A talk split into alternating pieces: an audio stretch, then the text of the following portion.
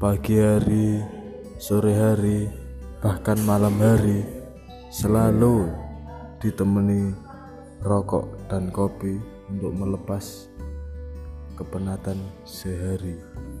Tapi semua itu terasa kurang dan kurang tanpa adanya alunan-alunan musik dangdut koplo.